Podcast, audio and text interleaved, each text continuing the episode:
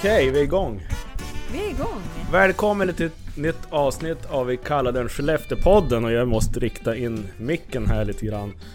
Katarina, du kom med andan i halsen. Känns det bra? Jajamän. Hinner Ja, det känns komma bra nu. Nu får jag sätta mig i en skön stol med trevligt folk bredvid mig. du en kopp kaffe? En kopp kaffe. Ska vi ha trevligt en stund här. Eh, så här är det. Idag sitter vi ner. Det är jag och det är Katarina som är med idag. Det är lite olika. Mm. Leif hade annat. Och våran gäst idag är Håkan Lind och vi ska ju snart presentera dig närmare. Men välkommen i alla fall. Tackar, tackar. Ja, det är ganska oroliga tider just nu, men det är ju lite knepigt att prata om det eftersom det här släpps om några dagar och allting kan ändras så att jag vet inte hur mycket vi ska... Allting, allt snack handlar ju om det nu. Ja, det är precis, Ukraina. och man följer med nyheterna och det är liksom de sänder liksom dagen runt, jag höll på att säga dygnet runt, men på natten håller de väl ändå. Ja, jag vet Inte inte. Jag igång. tror att de håller igång då också faktiskt. Nej, men Känn det är ju, pandemin har ju försvunnit. Jo. Här, Jo. Känner inte att man blir lite katastrofapatisk? Det är alltså hela tiden nya eh, dödskatastrofer runt om i världen och man vet inte hur man ska hantera det. Jag hade... F- jag hade inget utrymme kvar till en ny katastrof. Jag vet inte hur jag ska hantera det här. Nej. Ja, det är tufft och grejen är ju det att man känner ju, eller jag känner ju att jag måste avskärma mig lite grann för att faktiskt orka med själv Mm, också. mm. Att jag kan inte ta in all information som kommer. För det har varit tufft under pandemin också, så länge. Mm. Ja, så är det ju de här ständiga nyheterna som faktiskt tynger ner en sinne också, även om man inte påverkas i vardagen. Utan det är ju... Precis. Men de är ganska ödesmättade alla som är de här experterna som kommenterar en vändpunkt i historien. Ja. De här dagarna kommer vi att prata om i åratal framöver. Det är som... Ja. Jo, nej, men det var lite, det var lite, ja, det är otäckt också. Man har ju hört om ryssen kommer i hela sitt liv. Jo. Mm. Och nu är det på något sätt på riktigt. Han är alltså på väg, ja först Ukraina, sen Vitryssland, fast de tror att de är vänner. Mm. Och sen Finland, baltländerna såklart. Och så ner via Haparanda hit. Så han kommer att passera här. Men alltså Petter, nu måste du vara tyst. Vi pratar om något annat Jag va? var och kollade skyddsrummen för övrigt och eh, det fanns 124 skyddsrum i Skellefteå enligt den kartan, men det fanns inte ett i Burträsk. Så jag sa till Günther, nu måste vi bygga ett skyddsrum. Jag får ju såna här katastroftankar då, men, men det ska finnas tydligen, Ja. så att jag hoppas på det. Men Frågan, behöver man inte ett skyddsrum i Finnfors tror du? Ja, det är frågan om du hittar dit. Jag tänkte, ni har ju grottan, kanske Ja, går... dit kan man lite ju långt. smyga in. Har inte den sjunkit ihop? Ja, så det är är så bara hål. Men du kanske Jag tror inte den skyddar mot bomber direkt. Nej. Nej. Nej men så här är det. Jag kan kontra med en glad nyhet. Ja, Jag hoppas ni håller med. Ja. Det är nämligen så här att 2011 lämnade jag in min första interpellation om Hednäs kraftstation. Ja. Och det här har jag ju dragits hit och dit lite grann i podden. Opinionsbilda lite grann kan Ja. man säga. Eller informera beroende på hur man ser det. Ja. Men eh, det var ju Bert Ölands tid. Och jag vart väl mer eller mindre idiot, idiotförklarad. Det var inte helt lätt inom mitt parti att f- få gå Mm. ut med den här frågan. Och vi har drivit lite motioner och lite frågor och sånt här. Idag, inte idag, för några dagar sedan. Så har Skellefteå Kraft gått ut med att de inte tänker förnya tillståndet i Hednäs. Hörde det. Och det här betyder att på sikt kommer Hednäs kraftstation att drivas. Och hela Åbyälven kommer att öppnas och få ett fritt flöde. Det kommer att förändra biologin.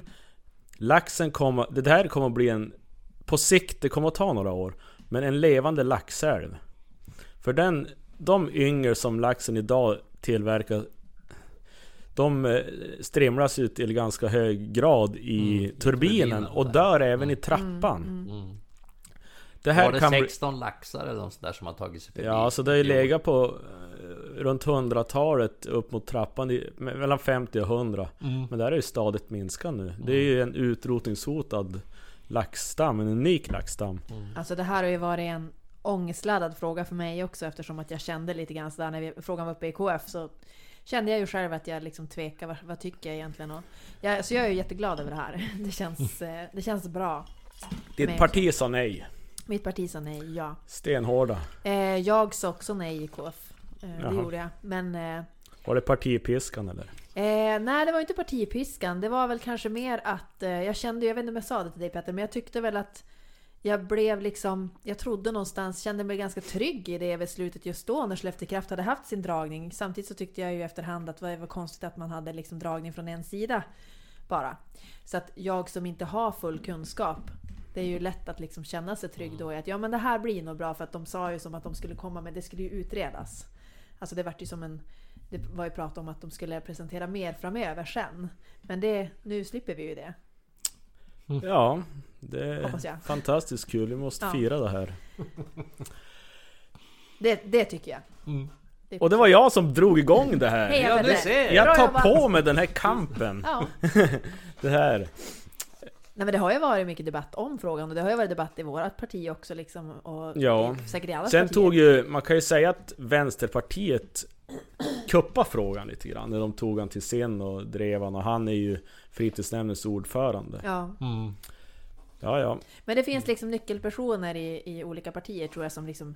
Eller det är ju så med många frågor, att man har olika åsikter inom partiet och det är ju inget konstigt. Det är ju det är som det ska vara. Alla ska inte tycka lika. Det blir ju tråkigt. Intern debatt.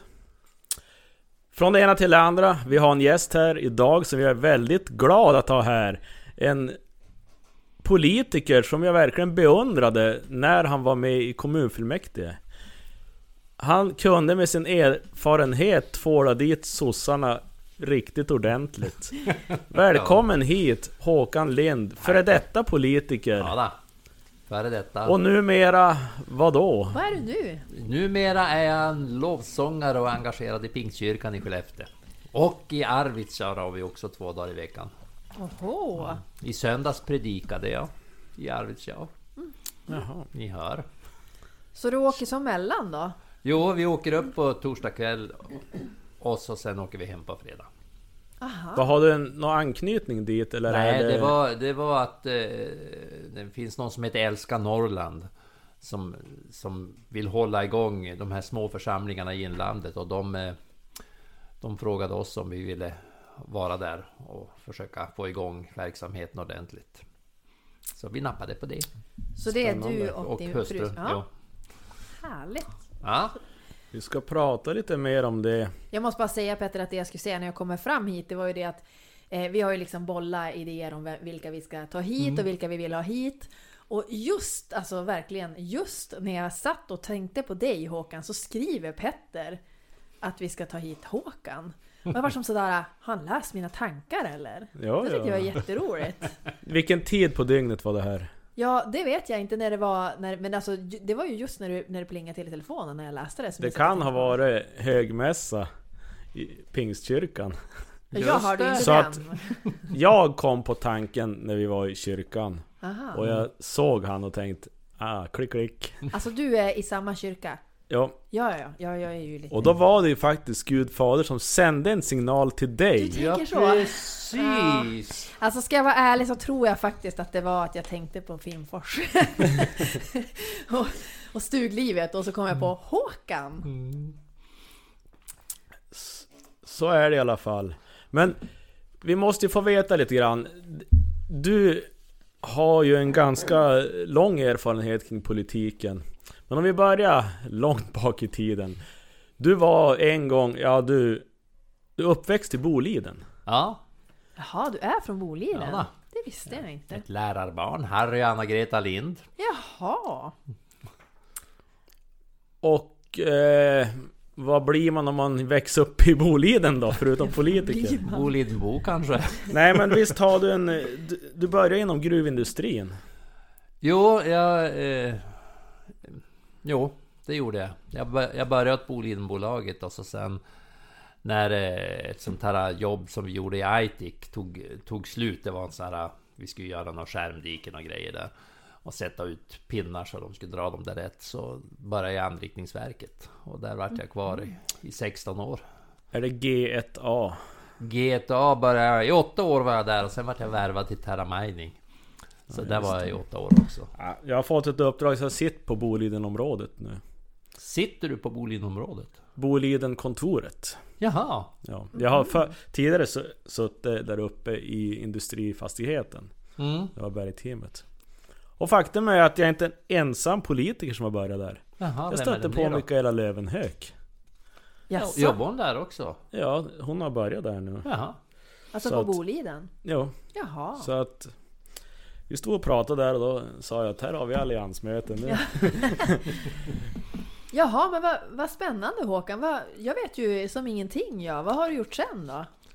Ja, sen då eh, bestämde jag, alltså när jag gick med i Folkpartiet, det var att eh, jag såg det var en föreläsning.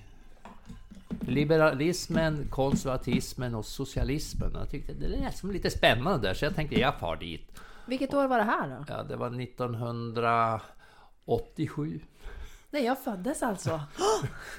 Amvorn!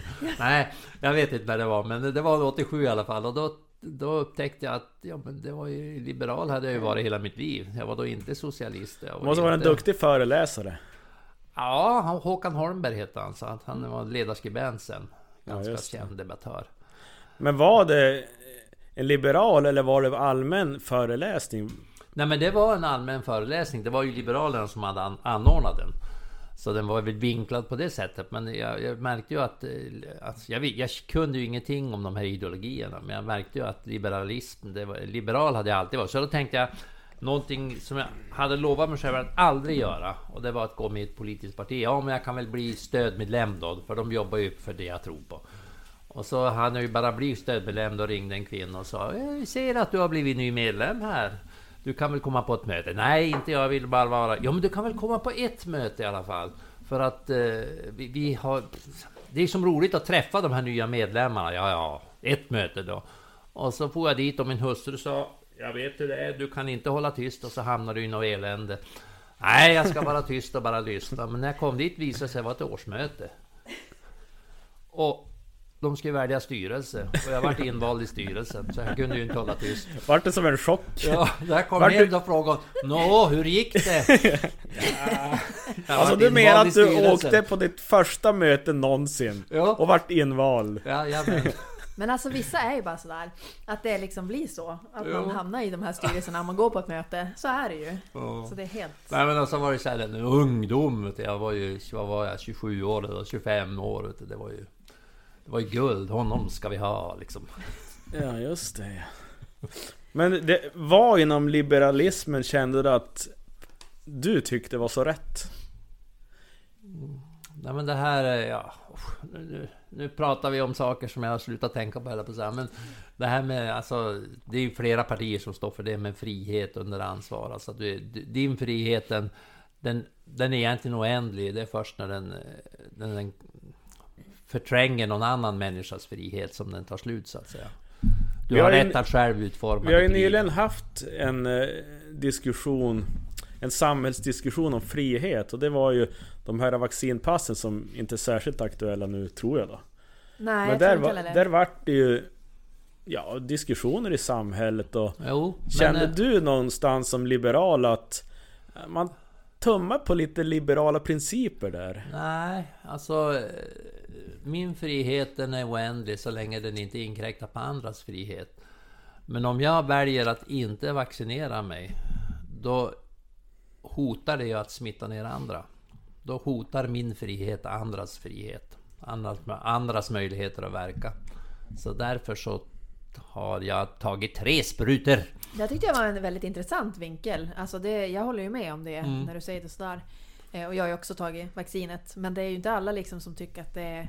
Jag kan, ju, jag kan ju tänka mig också att det finns en andra perspektivet att ja, att man inkräktar på ens egen frihet för att jag nästan blir tvingad att göra det. Men jag, Mm. jag tycker att det är liksom att ta hand om varandra. Jo precis. Att, att man är mån precis. om andra än sig själv. Precis, bara. och särskilt de äldre som Ja. man vet att om Det de, sjuka. om de får, ja än idag om de får Covid fast de är vaccinerade så kan de ju stryka med. Absolut. Och jag tycker det, jag tycker det är ett ansvar man har. Det är inte över än. Jag kan säga att min mor hade det. Hon är ju underliggande sjukdomar. Hon Ja. var in och ut från akuten. Men hon är ju, nu är hon bra. Eller inte helt bra men Mm. det, hon hade tre sprutor så jag är ju väldigt tacksam för det. Mm. Annars vet man ju inte. Mm. Sen Och du jag... vart ju väldigt lindrigt. Eh, Du hade ju lindrigt Petter. Ja, det kan man väl säga. Det, men det sitter i länge. Ja det gör Alltså det. på morgon, det är fyra veckor sedan. Ja. Alltså jag kan hosta som att jag är förkyld. Bara Det för att det också. är som ret, är som en torrfläck i halsen som Ja, retar. det. Och det är inget roligt Alltså om jag sitter själv, då kan jag väl bara hosta på. Men om man går i en butik och känner att det börjar killa i halsen, då vill man ju inte gå där och tokhosta. Eller nu när man sitter i en podd, det är inte heller så kul att känna hur jag kraxar. Men ja. ja, är Nej men jag tror att min röst lät lite annorlunda Förra tidigare. podden så gjorde den ju det. Mm. Ja just det. Men det är som när man, när man är på en affär också, så känner jag jag måste hosta. Och så Mm. hostar man så här, och då tills man... Titta alla. på så Så känner man såhär...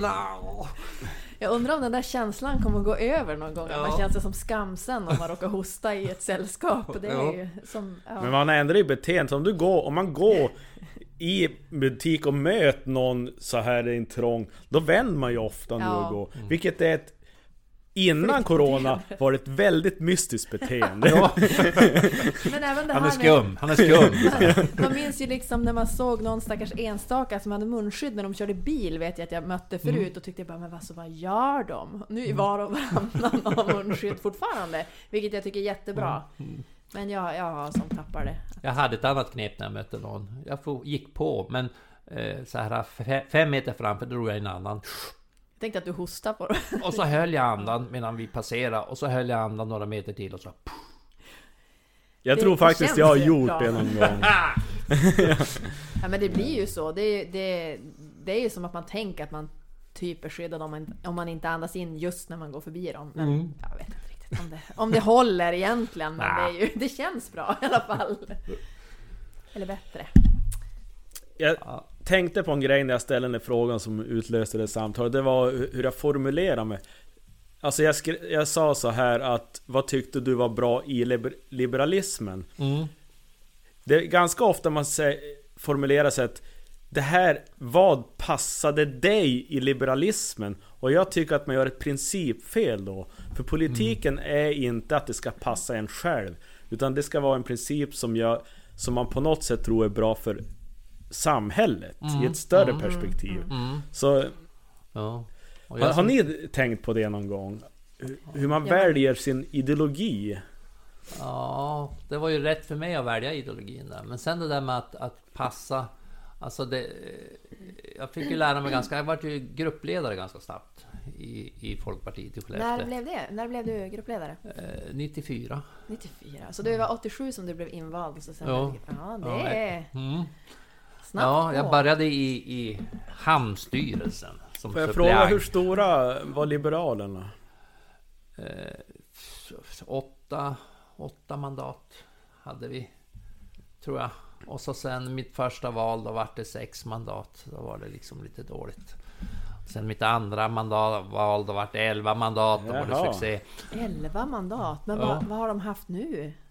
Tre säkert. Ja, jag tror det. Något sånt. Tre eller fyra kanske? Ja. Men jag fick lära mig en sak när man som gruppledare, då ska du ju stå för ditt partis åsikter. Det var ju, hände ju flera gånger att, att jag tyckte vi skulle göra en sak, men partiet tyckte vi skulle göra en annan. Ja. Och då gäller det liksom att gå in i den rollen, då gäller det att med liksom själ och hjärta argumentera för den linjen.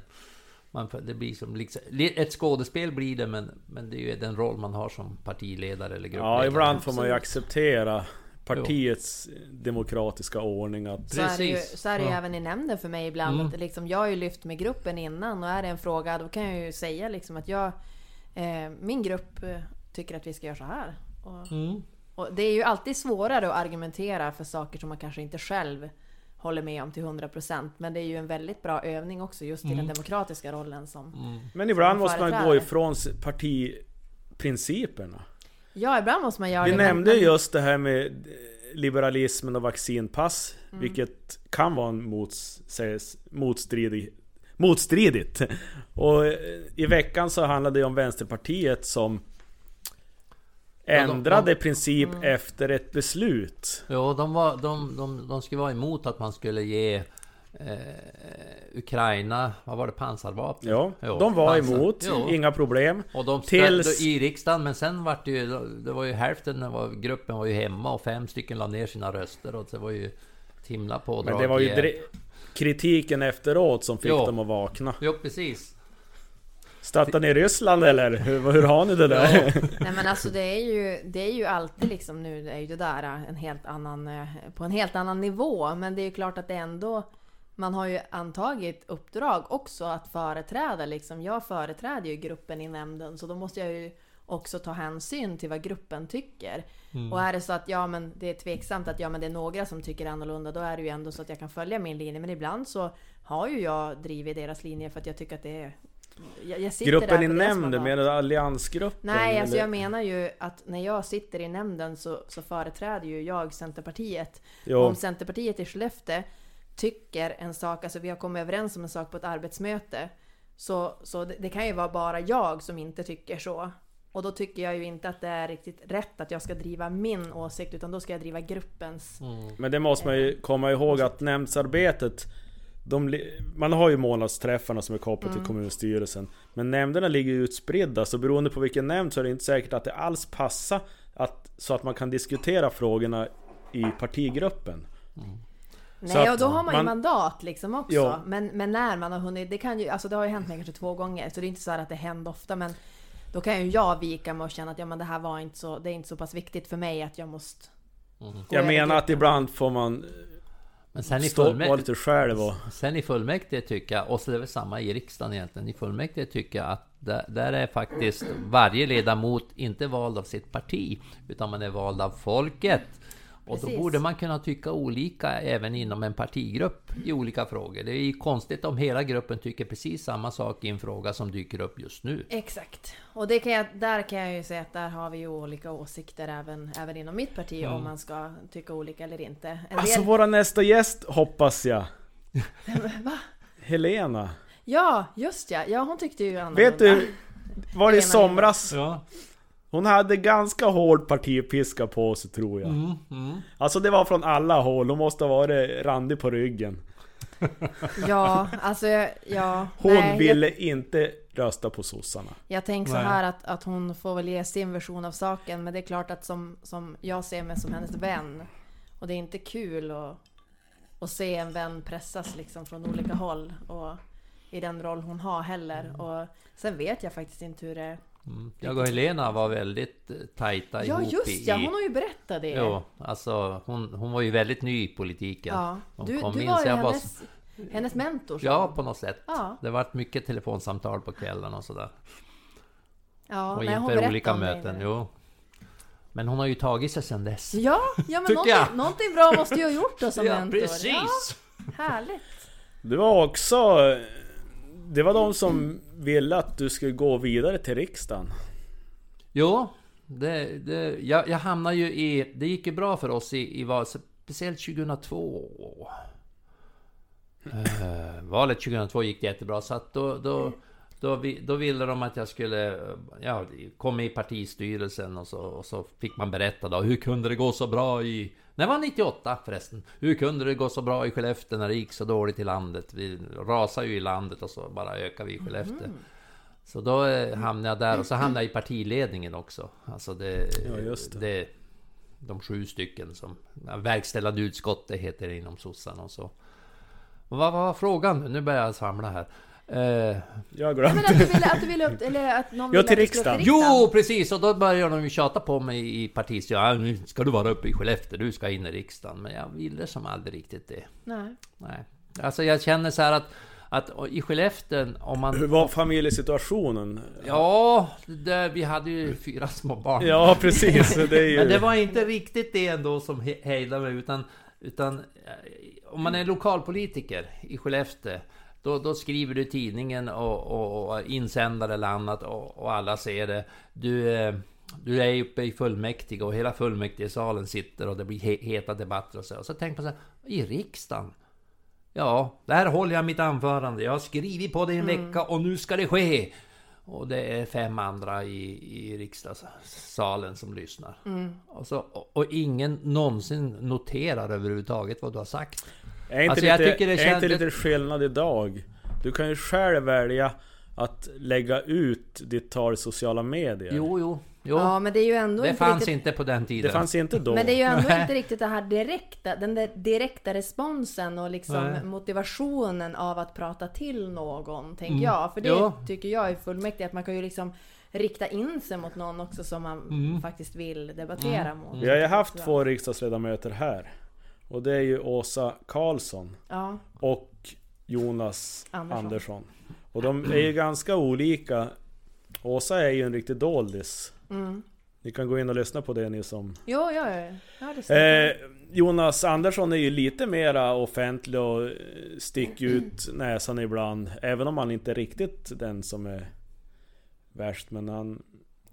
Man kan inta olika roller i, även inom ett riksdagsarbete. Har vi ja fått men lära absolut, oss. för det kan jag ju känna sådär med, med Åsa. Jag har ju inte, trots att hon ändå bor i Skromträsk, så kan jag ju ärligt säga att jag har ingen aning om vad hon gör i riksdagen. Alltså det är ju inte så att det skrivs om henne särskilt ofta eller liksom att det uppmärksammas.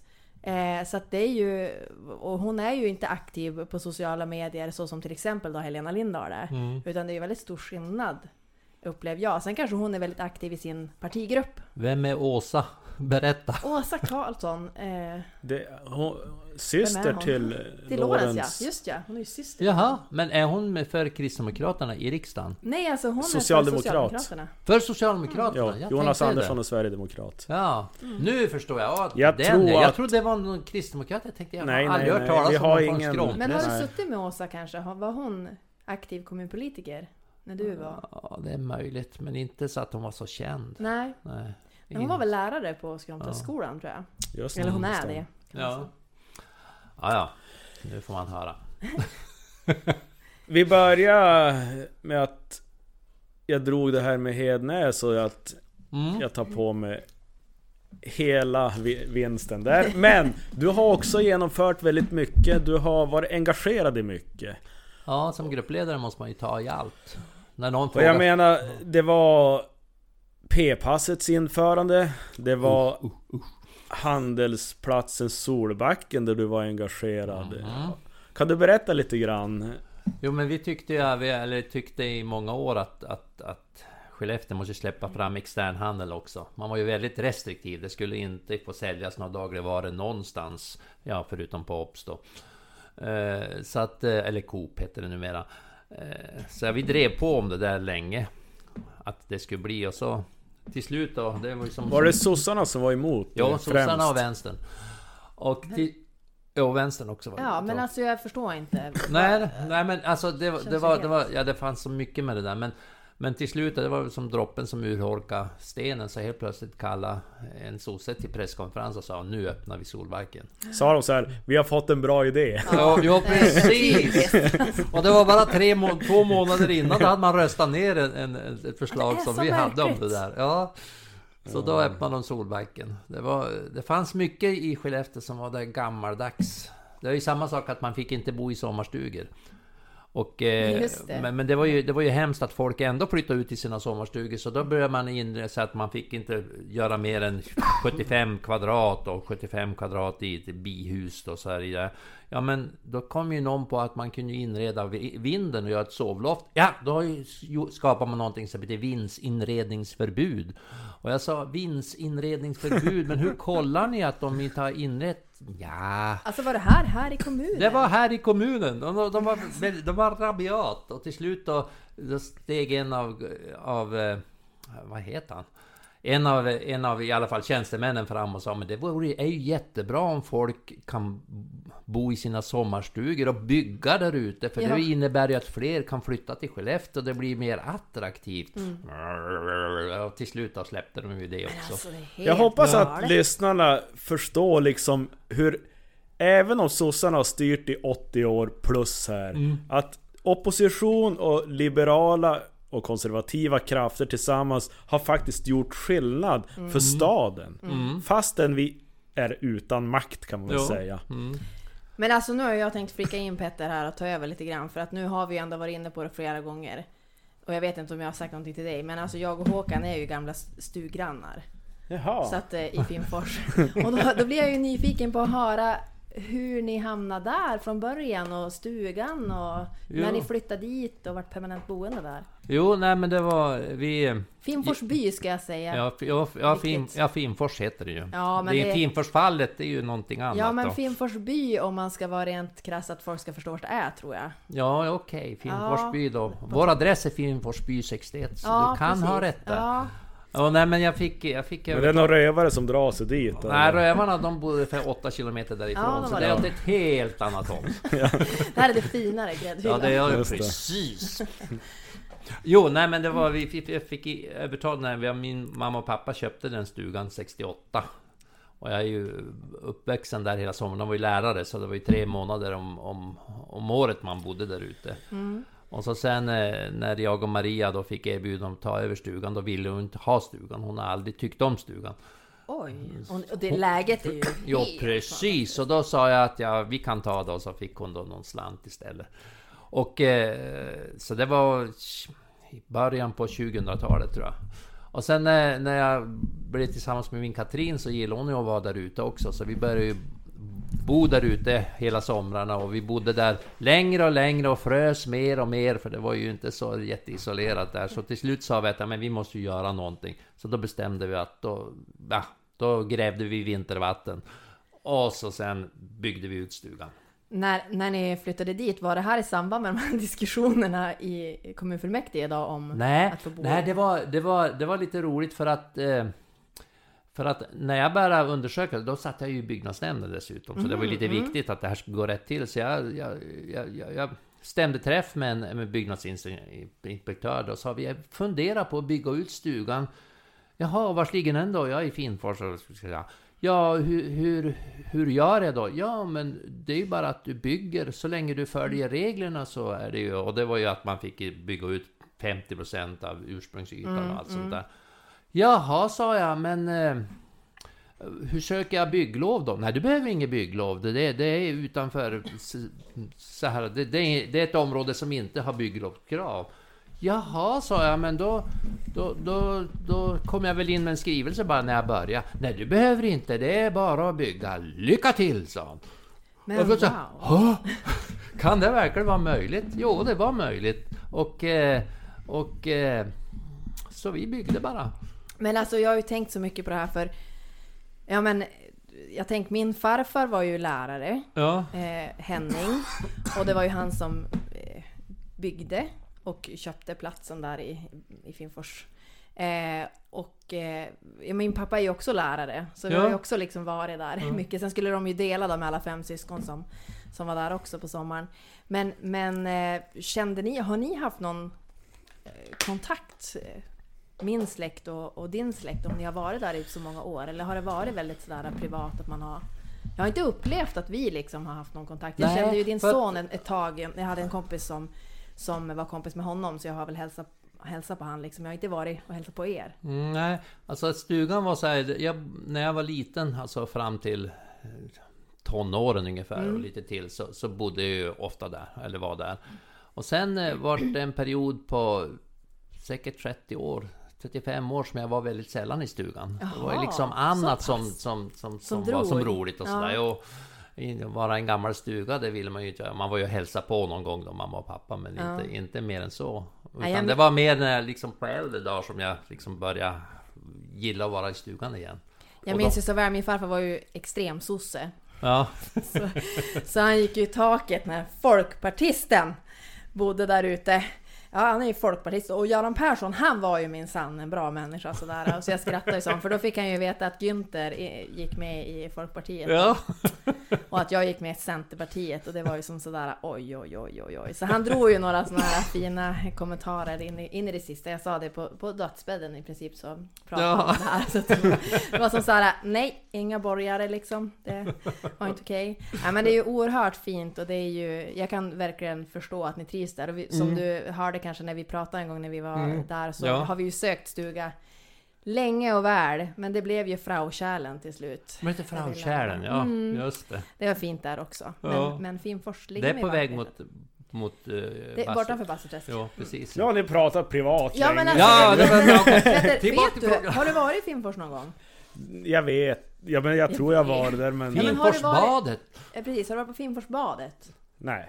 Nej, men då har du missat något. Jag Kör missat. sommar! Jag får göra en Ja. utflykt. Mm. Det är Västerbottens varmaste badsjö faktiskt. Är det det? Ja, när de, när de mätte temperaturen och så rä- räknade de upp hur varmt det var, då var det, vann alltid Finfors. Peter, det finns extremt stora gäddor där.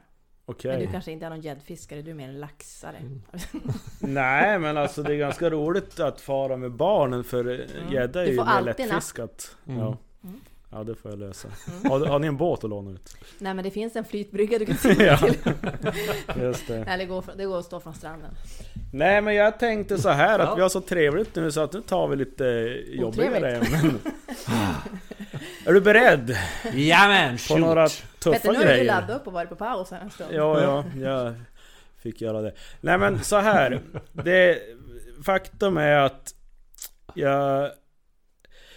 Jag spelade in avsnitt med Jansa och jag Mm. tror jag har nämnt det här tidigare i podden. För det... Du har haft en del framgångar i politiken men det har också varit kantat med saker som har fallit ut mindre bra. Vet, har du någon idé om vad jag, jag fiskar efter här? Nej, jag kan Det inte... var så här. Det var det här med Skellefteå Kraft. Ja. Ja. Och vad spännande att du tog upp det nu Petter, för vi pratade om det på nämnden idag. Och så stötte min kompis i mig och sa så här Du! Du måste ju ta upp det här i podden ikväll! Och då igång.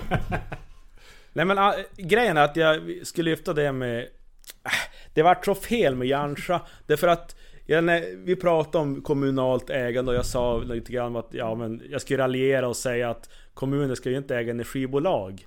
Och då tänkte jag, vänta det där för nu gjorde jag en Håkan Lind här. Men du ska snart få förklara det. Och så sen då körde jag fast i att jag kom inte ihåg vad det kallades, det är Sekab-affären. Men vi tar en sak i taget nu. Alltså hur, hur, vad hände det där med Skellefteå Kraft? Ja, och- alltså det där är... Det där är... Man känner att, att framförallt sossarna, de, de ger sig aldrig. För att det är ju så att jag har aldrig... Och så länge jag var gruppledare så har vi aldrig föreslagit att man ska sälja Skellefteå Kraft.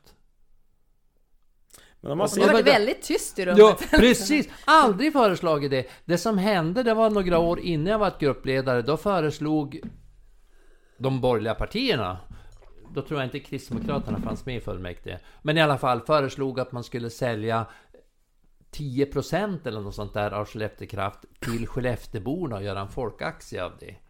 Och det där det fick vi... Det, det fick vi... men var inte något uttalande om att du ville ha Skellefteå Kraft värderat eller något? Som, Nej, nej det, det var nog det var nog sossarna. Nej, det är Moderaterna som har så, krävde det. men varför är ditt namn förknippat med det här? Då, Ja men för att sossarna gick på om det där och de skrev in så och jag skrev nej men det är inte sant, vi vill inte alls sälja Skellefteå Kraft och så kom det en insändare några dagar senare Jo, Folkpartiet vill sälja Skellefteå Kraft. Men vet du hur ingrott det här är? Ja, Om man precis. sitter ute på ett företag och fika och då kan någon säga ja men ni borgare, ni får, kom ni till makten ska ni väl sälja Skellefteå Kraft? ja. Alltså grejen är det att idag, diskussionerna som gick då lite grann, det var ju kring det här hur vi ska få in pengar till välfärden såklart.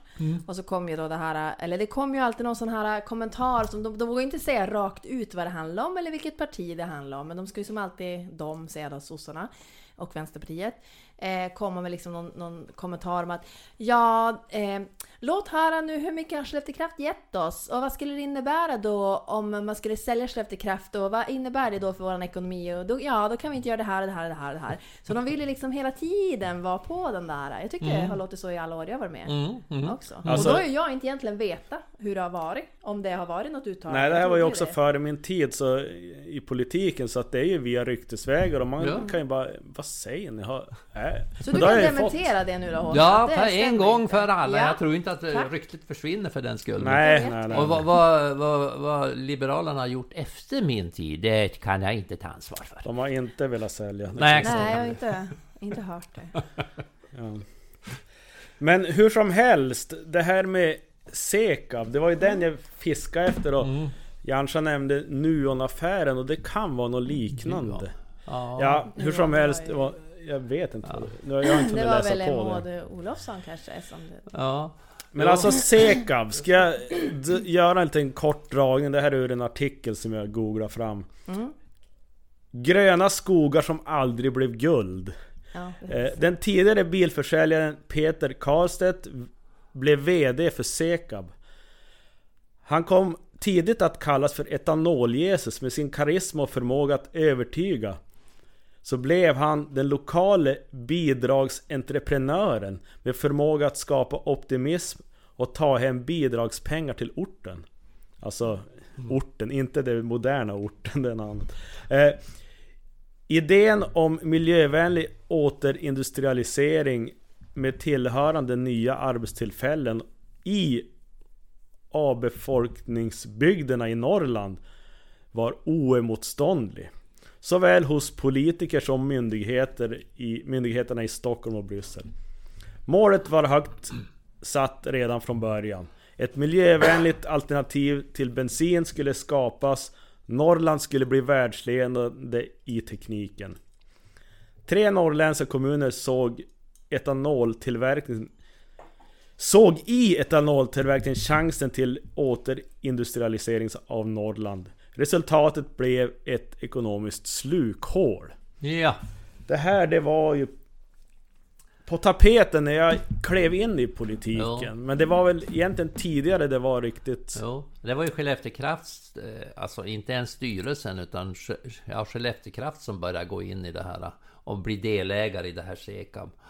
Och, och det var ju, och vi var, vi, ja, jag, Vad hade du för roll då? Ursäkta Håkan. ja, jag var gruppledare. Ja, det var så du hade Jo, alltså, ja. så att jag, jag började ju protestera mot det och sa inte ska vi väl gå in i det där och, och den här etanol-Jesus han ville ju att man skulle investera i Ungern minns jag och det var i Afrika och det var överallt skulle han vara och göra stora investeringar.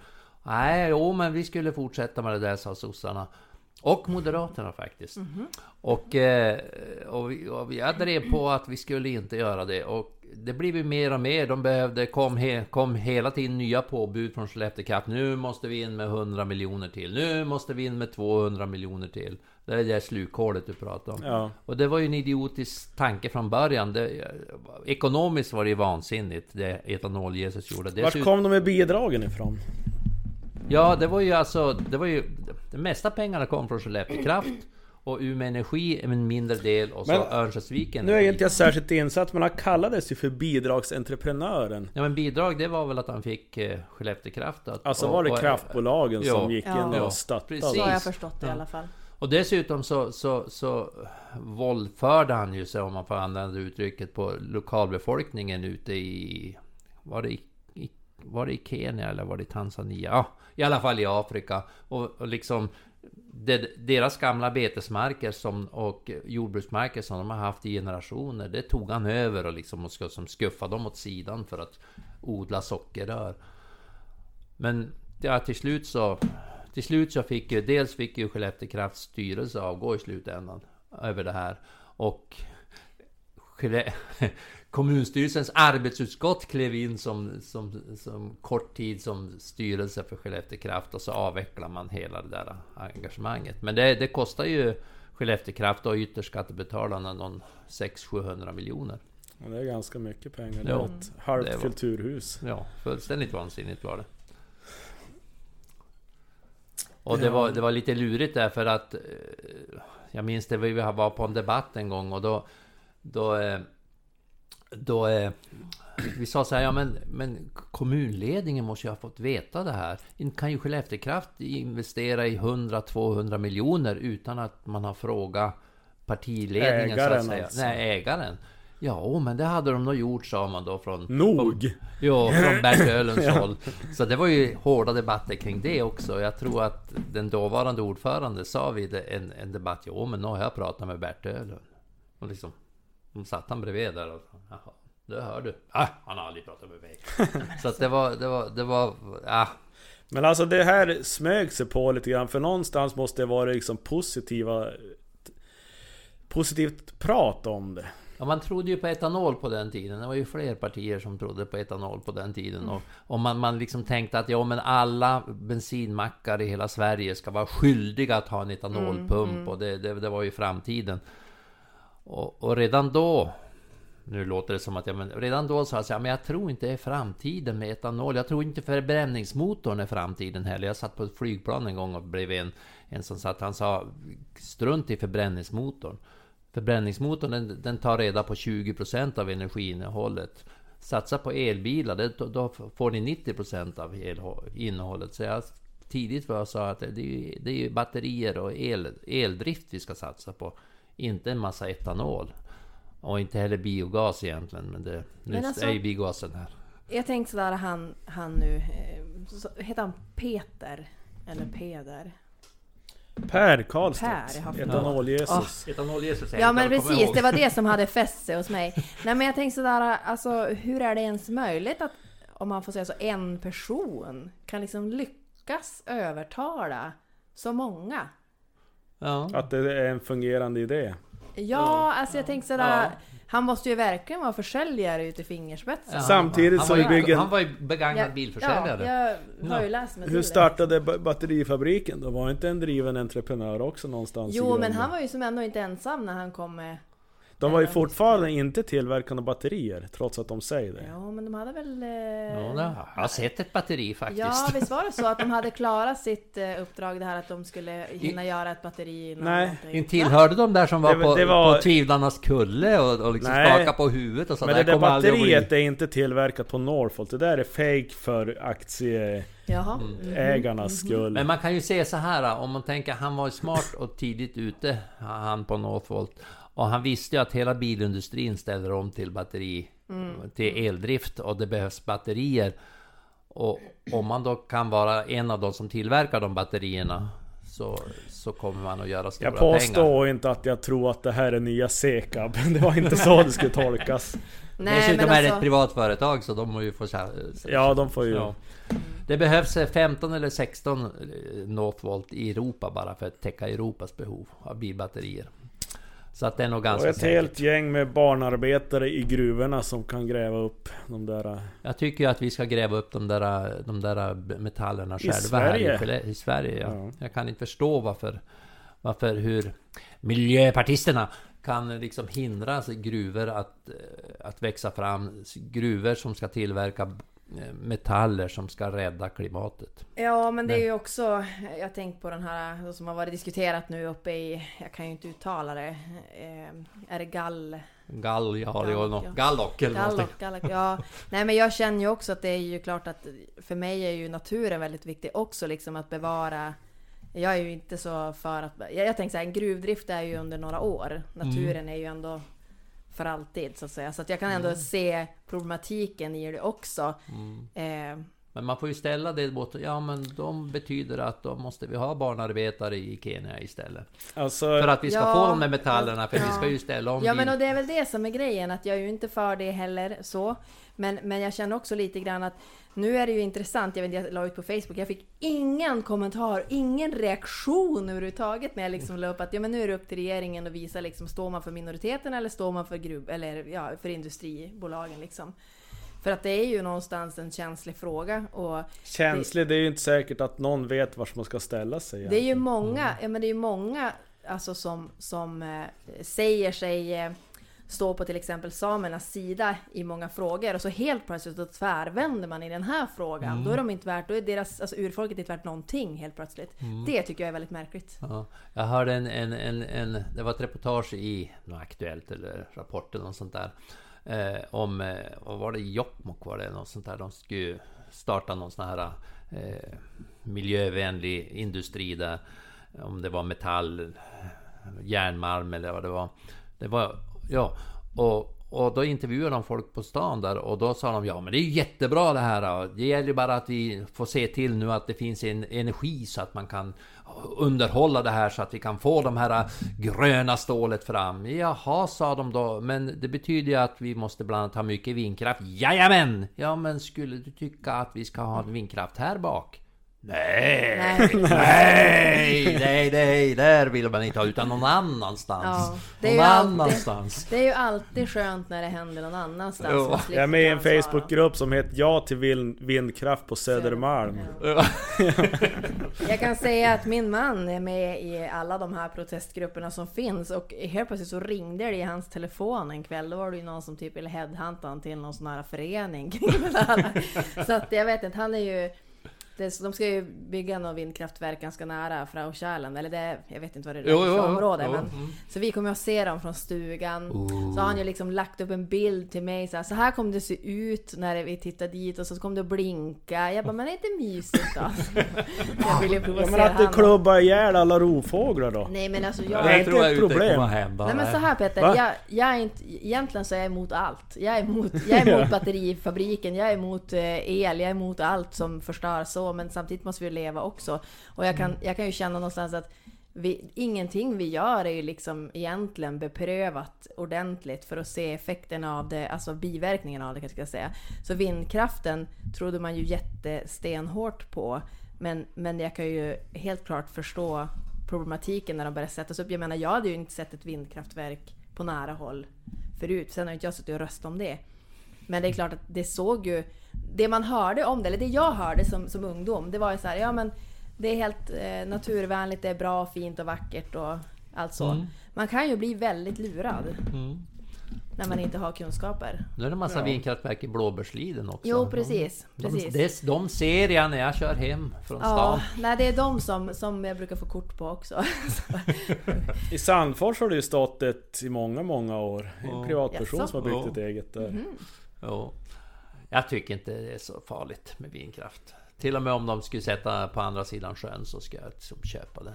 Alltså grejen är väl att det är ganska obehagligt att gå nära dem. Känner jag. Och jag tänker på djuren också. Men jag vet inte. Jag, jag ha, du lite grann? men ducka, jag blir ju livrädd. Jag tror att jag ska följa med upp. Men är, är, är verkligen rovfåglar så dumma som ah, det är ett vindkraftverk men jag provar flyga mellan vingarna och så ah, Det är ju väldigt- gick alltså- inte. Ja, Jag, jag, tror de, jag tror de överlever faktiskt. Jag, jag tror de flaxar undan. Det är ju jätteintressant. om Nej, de jakt. gör inte. Jo. Det är ju, eh, inte, jag ska inte säga högar av rovfågel, men alltså det är ju... Jag, vet inte vilken, man vet ju knappt vilka grupper man är med i. Men alltså jag, jag, det dyker ju upp bilder på, i mitt flöde på klubbade rovfågel. De blir nästan kluvna. Det är ju intressant, jag är med i några jaktgrupper eller så här, har personer som gillar jakt och, och där är det ju väldigt skilda åsikter också. Medan de ena skriver såhär ah, djurlivet dör ju ut, så skriver nästa så här Hörde du, jag har då jagat i flera år där det är massa vindkraftverk nu och det har då inte varit någon brist på djur där. Så det är väldigt svårt då för mig att komma in, vad ska jag tro på? Alltså jag vet ju inte, jag har inte varit ute själv och Men- tittat på det här Ja, det, vindkraftverket. man Det är får fundera på det här sociala medier. Mm. Vem ska man tro på? Vad Ja, ska man tro det på? Vilken bubbla är man i? Ja. Verkligen. Men vindkraften är ju inte det som ersätter vattenkraft och kärnkraft. Det Nej, måste det man behövs ju... Det, det, det också. tror jag också alla har lärt sig idag. Mm. För den debatten har ju då varit igång ganska länge. Mm, mm. Ja, alltså vi här uppe, vi kan nog bygga ut ganska mycket vindkraft och, kanske till och med lagra lite energi då i vätgas och så vidare. Jag såg Boliden. Ja, och i dammarna såklart. eller LKAB hade pratat om det.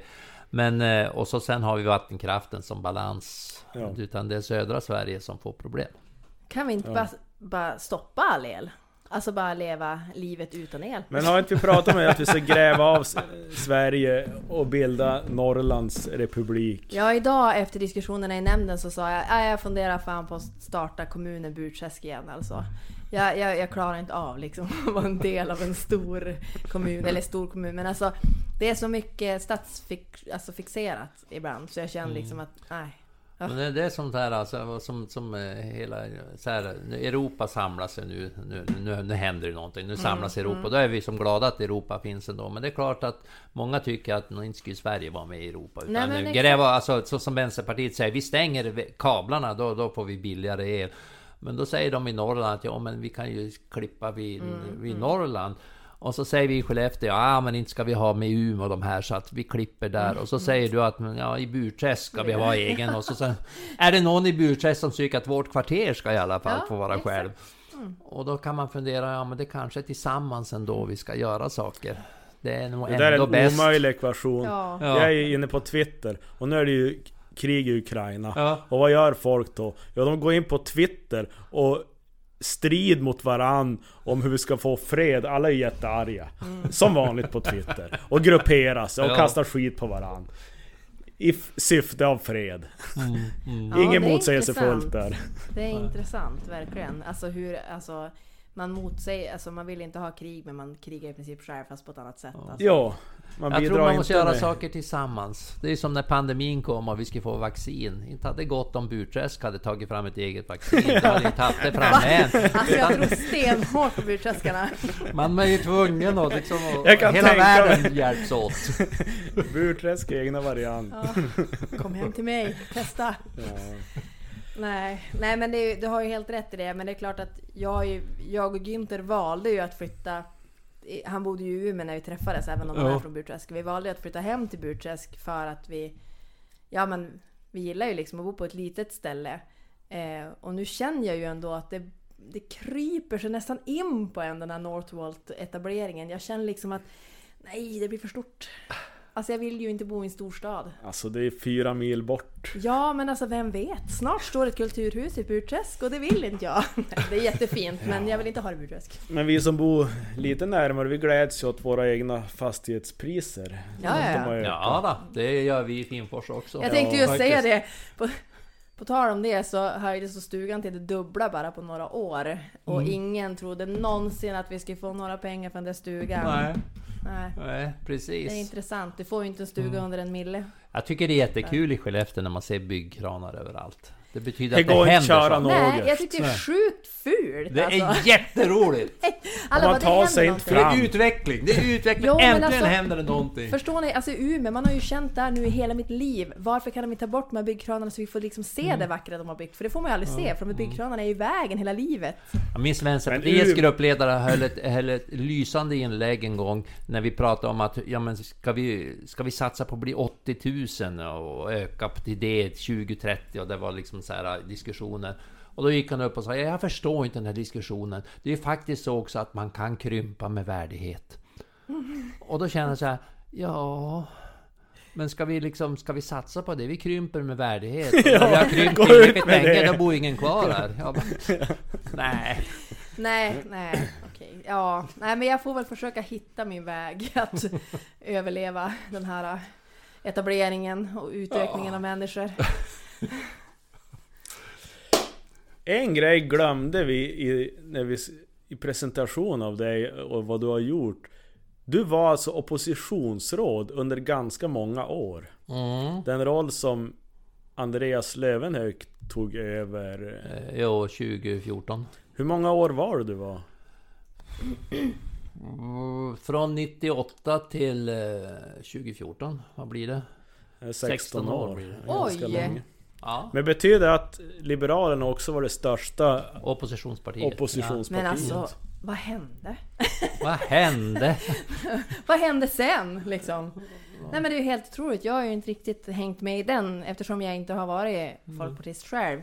Men däremot så har jag ju lyssnat på dig i debatter ganska, i ganska unga år liksom. Ja. Och, och gillar att du har varit på och liksom varit med i matchen och debattera. Och jag gillar ju ändå när det liksom får vara lite så här heta debatter. Det tycker jag Ja, om. Så att, jag tycker, jo, jag gillade att debattera. Jag tyckte Ja. det, var som en tävling på något sätt. Det gäller att få in de bästa argumenten. Det gäller liksom att vinna debatten. Man visste ju att man aldrig skulle vinna omröstningen. nej. För det vann ju alltid sossarna, men att vinna debatten. Och så kom ju- man hem och så ringde två personer och sa åh det där var bra sagt, Mm, det där var jättebra. Så, Men det är ju det där som är så tråkigt nu kan jag tycka. Därför att de hävdar ju att debatt, alltså debattklimatet har blivit hårdare. Ja. Och jag tycker inte att vi får ens diskutera. För då direkt man börjar diskutera, äh, då kommer någon ordförande eller så kommer någon annan. Eh, nu måste ni, nu måste ni dämpa, det här är, blir, börjar bli otrevligt. Och jag tänker liksom att det är just nu vi har börjat liksom Ja, debattera. men det är ert fel. Vårat fel. Ja men ni dränker kommunfullmäktige med alla möjliga meningslösa frågor som är bara populist för att, för att få gå upp dit men vi vet att vi har Vi kommer aldrig någonsin att bli klar om ni ska dra ut på varenda ärende som ni har Ni går fram med eran önskelista Fy skämt! alltså, alltså, Mer av allt, mer av det! Vi är bra på det sättet! Petter, säg han som pratar om Hednäs. Nej, nej, nej. det är jätte... Det är ju debatten som är det roliga med politik kan jag tycka. Ja, det är Mm. det. Det och så sen, ja, sen då att få ut sitt budskap. För att jag, jag brukar säga så här att när du har skrivit en motion och lämnat in den, är jobbet klart då? Nej. Nej. Sen gäller det att eh, grunda för motionen inför när den ska upp. Sen gäller det att ta debatten i fullmäktige och då är bara hälften gjort. Mm, Den andra hälften då att se till att tidningar, radio och TV skriver om det och pratar om det. Och där är det också svårt att nå ut. Jo, det var lättare på min tid. Och hur gör då sossarna för att ta död på det här? De gör så att det tar lång tid. Jo, mm. Absolut. Alltså, det, när det kan ta flera år Från när man lämnar in en motion till man, den Men kommer då ligger man på med interpellationer och sådär. Vad händer? Vi, vi föreslog ju det här. Vad- Är ni på väg att ändra er nu eller? ja. Och till slut så kommer de fram med ett eget förslag som är till 99% likadant som Eller att de har hunnit påbörja, de anser att den är besvarad Exakt, och helt För att vi efter jobbar redan år med det är här de... Ja, Ja. helt sjukt. ja. Du hade något mer va, Petter? Ja, Ja! så här är det. Nu byter byter vi ämne. Ja men han vickar sådär. Jag tror inte han tippar. Jag trodde... Nej men bakåt. så här är det att du på något sätt, jag har läst att eh, viljan att vara hård i politiken fjunade av lite grann i och med att någonting hände i ditt liv. Ja, jag var ju eh, i 50 år av mitt liv var jag ateist. Övertygad ateist. Så var det. Det, fann, Alltså, det fanns, det fanns, du- jag, jag var övertygad om att det fanns ingen gud. Utan, Alltså vissa säger att de vet inte och de tror inte och de... nej, inte, du, jag du, var inte agnostiker, utan jag var, jag var riktigt Du hade ateist. bestämt att du Ja. var ateist. Men sen jag skilde mig för eh, 2006 eller något sånt där var det väl. Och eh, sen träffade jag en, en kvinna som heter Katrin och eh, vi har varit som kär. Hon var kär i mig. Det var bara det att hon var inte ateist. Hon var ju evangelist. Övertygad eh, om att det fanns en gud. Och jag var ju övertygad och jag tänkte så här att Ja men det där ska jag nog ta ur en. Jag var ju ändå en garvad politiker så nu ska jag kunna argumentera ner det där. De där sagorna. Så det, det försökte jag ju. Men hon var ju också duktig på att prata evangelisten. Så att det där vart jättejobbigt. Så vi, det var till och med så att vi slutade. Vi sa att vi måste gå skilda vägar. Vi kan ju inte sitta här och diskutera.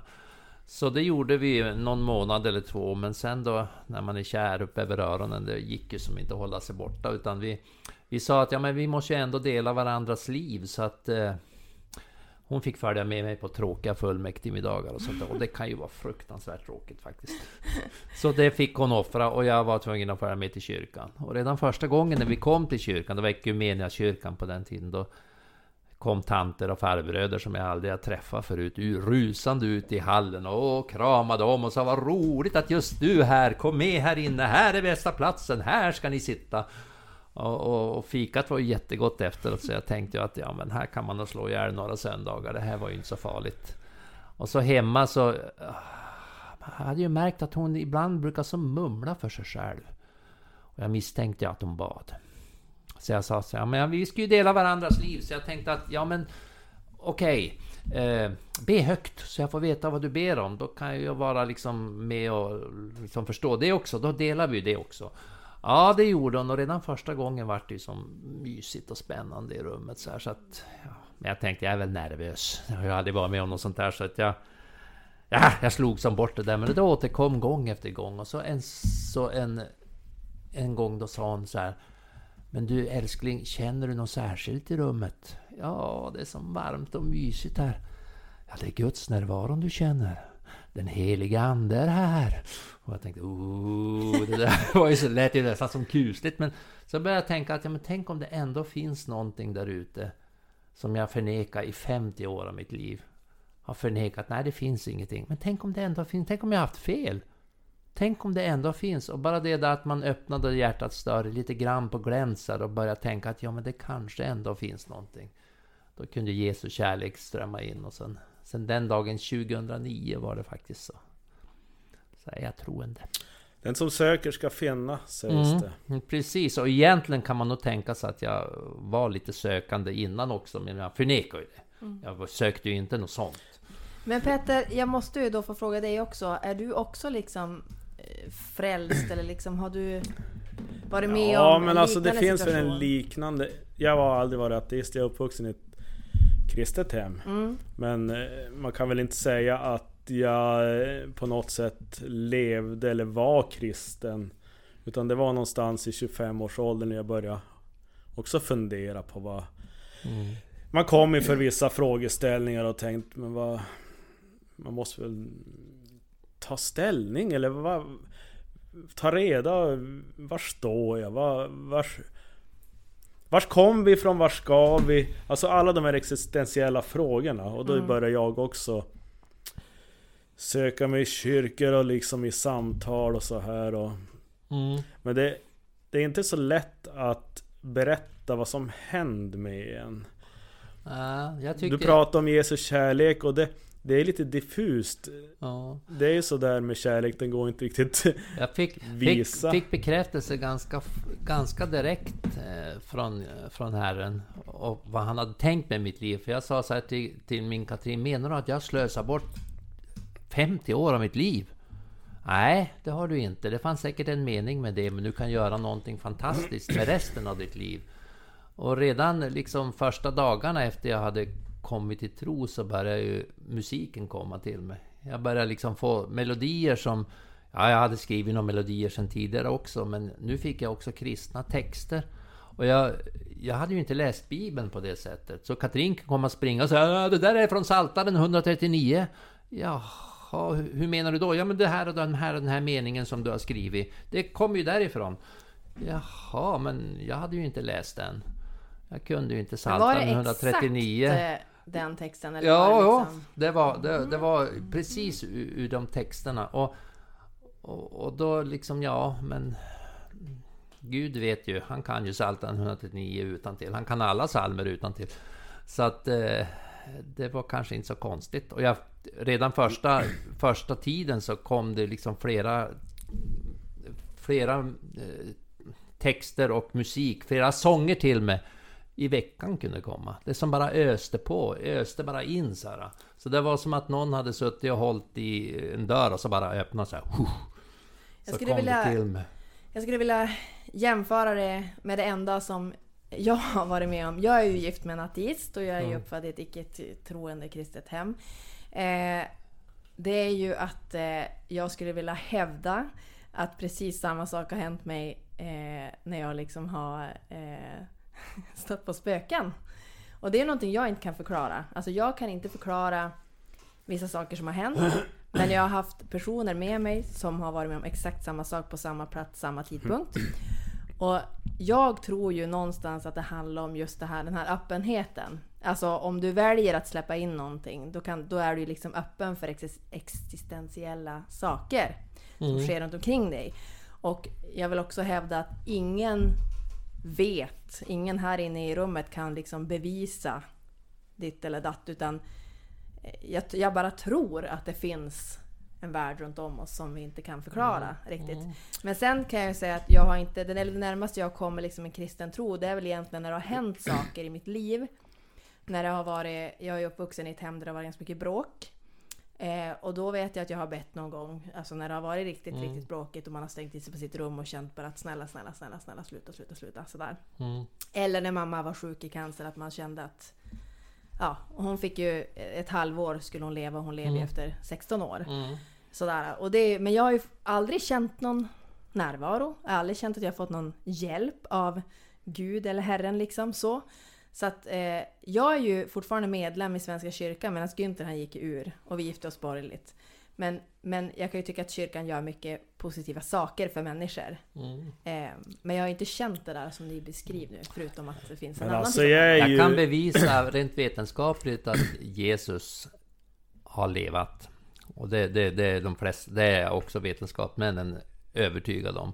Att en person som heter Jesus Jo. har levt. Ja, Och det att, att han gjorde alla de här tecknen, det kan man också bevisa. Man kan bevisa, man vet att han vart korsfäst och man kan bevisa att han har återuppstått. Men vad menar du med, med tecknen? Ja men eh, alltså, han Vilka gjorde ju en massa, massa saker, botade sjuka och så vidare. Men nu blir jag ju så intresserad. Hur kan du bevisa det? Det är spännande. Ja, eh, du har bland annat... Det var ju massor med människor som, som gick med honom och var med och såg de här tecknen han gjorde. Och eh, evangelierna är skrivna, eh, det tidigaste är skrivna bara vad är det, 20 eller 10 eller 20 år efter Jesu tid. Och de började spridas där och om, om det hade varit, ja, nej det här är bara påhitt, det där har inte hänt. Då skulle ju direkt det komma en massa, en massa som sa nej men det här stämmer inte, det här är ju fel och så vidare. Men det kom inget sånt. Och så här romerska, en romersk eh, historieskrivare skrev också att jo, men Jesus har funnits och han gjorde en massa häxkonster för han var besatt av onda, onda andar. Ja, det är ju spännande det där. Men alltså det är liksom rent vetenskapligt så kan man ju som inte återuppstå efter tre dagar. Eller? Nej. Nej. Så hur funkar det? Ja. Det är ju så här intressant. Alltså ni Ja. förstår, jag, jag är ju helt o... Så o- då kanske, om, om, man kan då, om man då återuppstår efter tre dagar och det var över 50 personer som såg honom och träffade honom. Nej, 500 personer som såg och träffade honom efter han återuppstått. Ja, då måste man ju fråga sig. Men vet du Katarina? Kan, kanske han var faktiskt den han sa att han var. För han Ja, sa nej, faktiskt alltså, att han var Gud. Det är det jag menar, ingen av oss vet ju Oavsett vad du väljer att tro, om du tänker att du är ateist eller någonting annat eller Ja, jag är nog inte kristen. ateist men eftersom lugn jag ändå nu. liksom...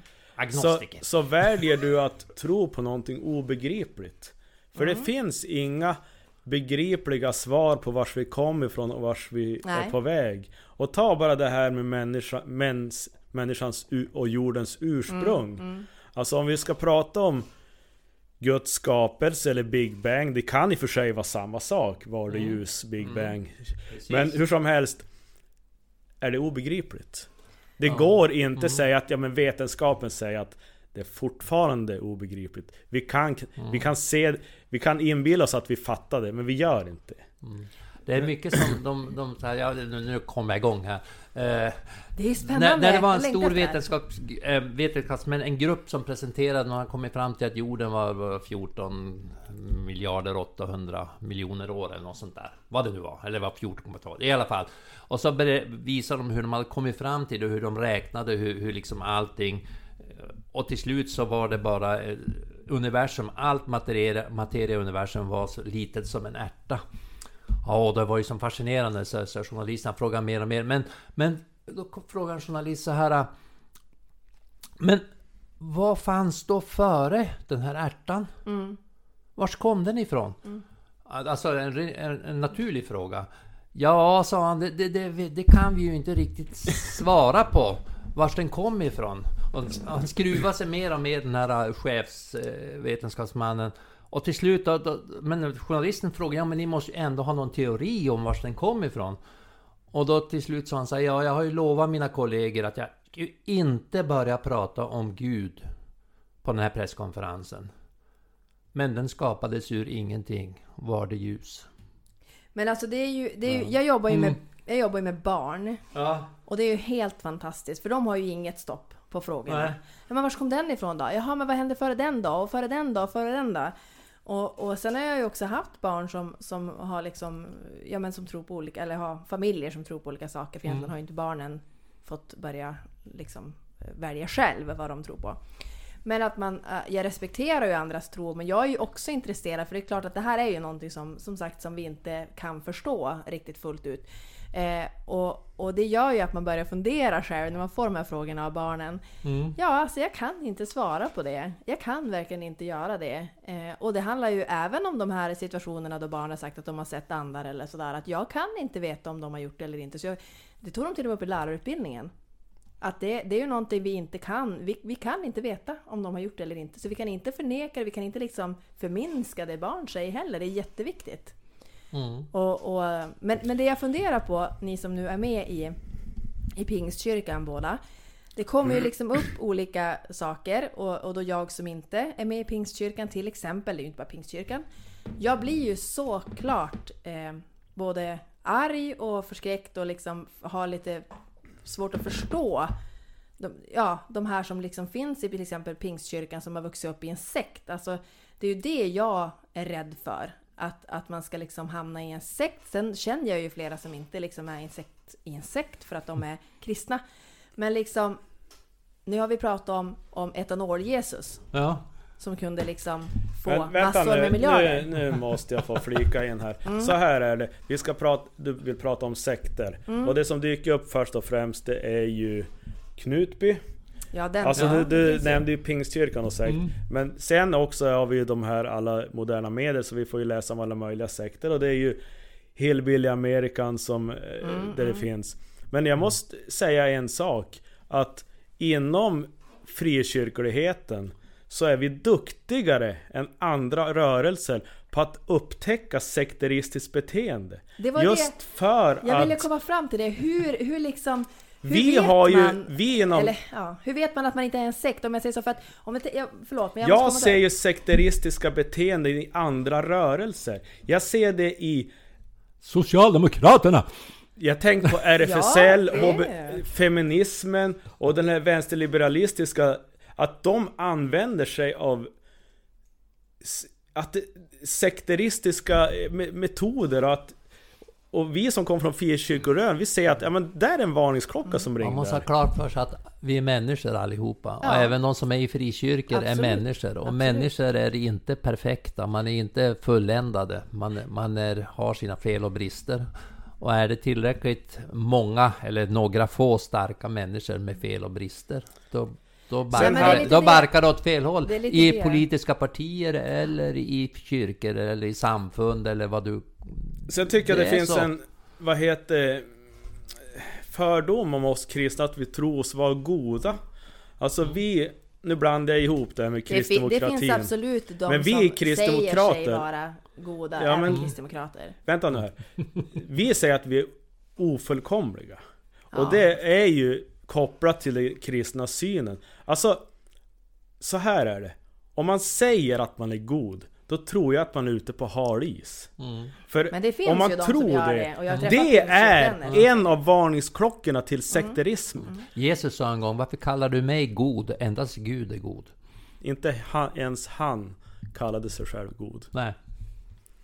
Och du såg senast när vi skrev till varandra på den här, våran poddtråd.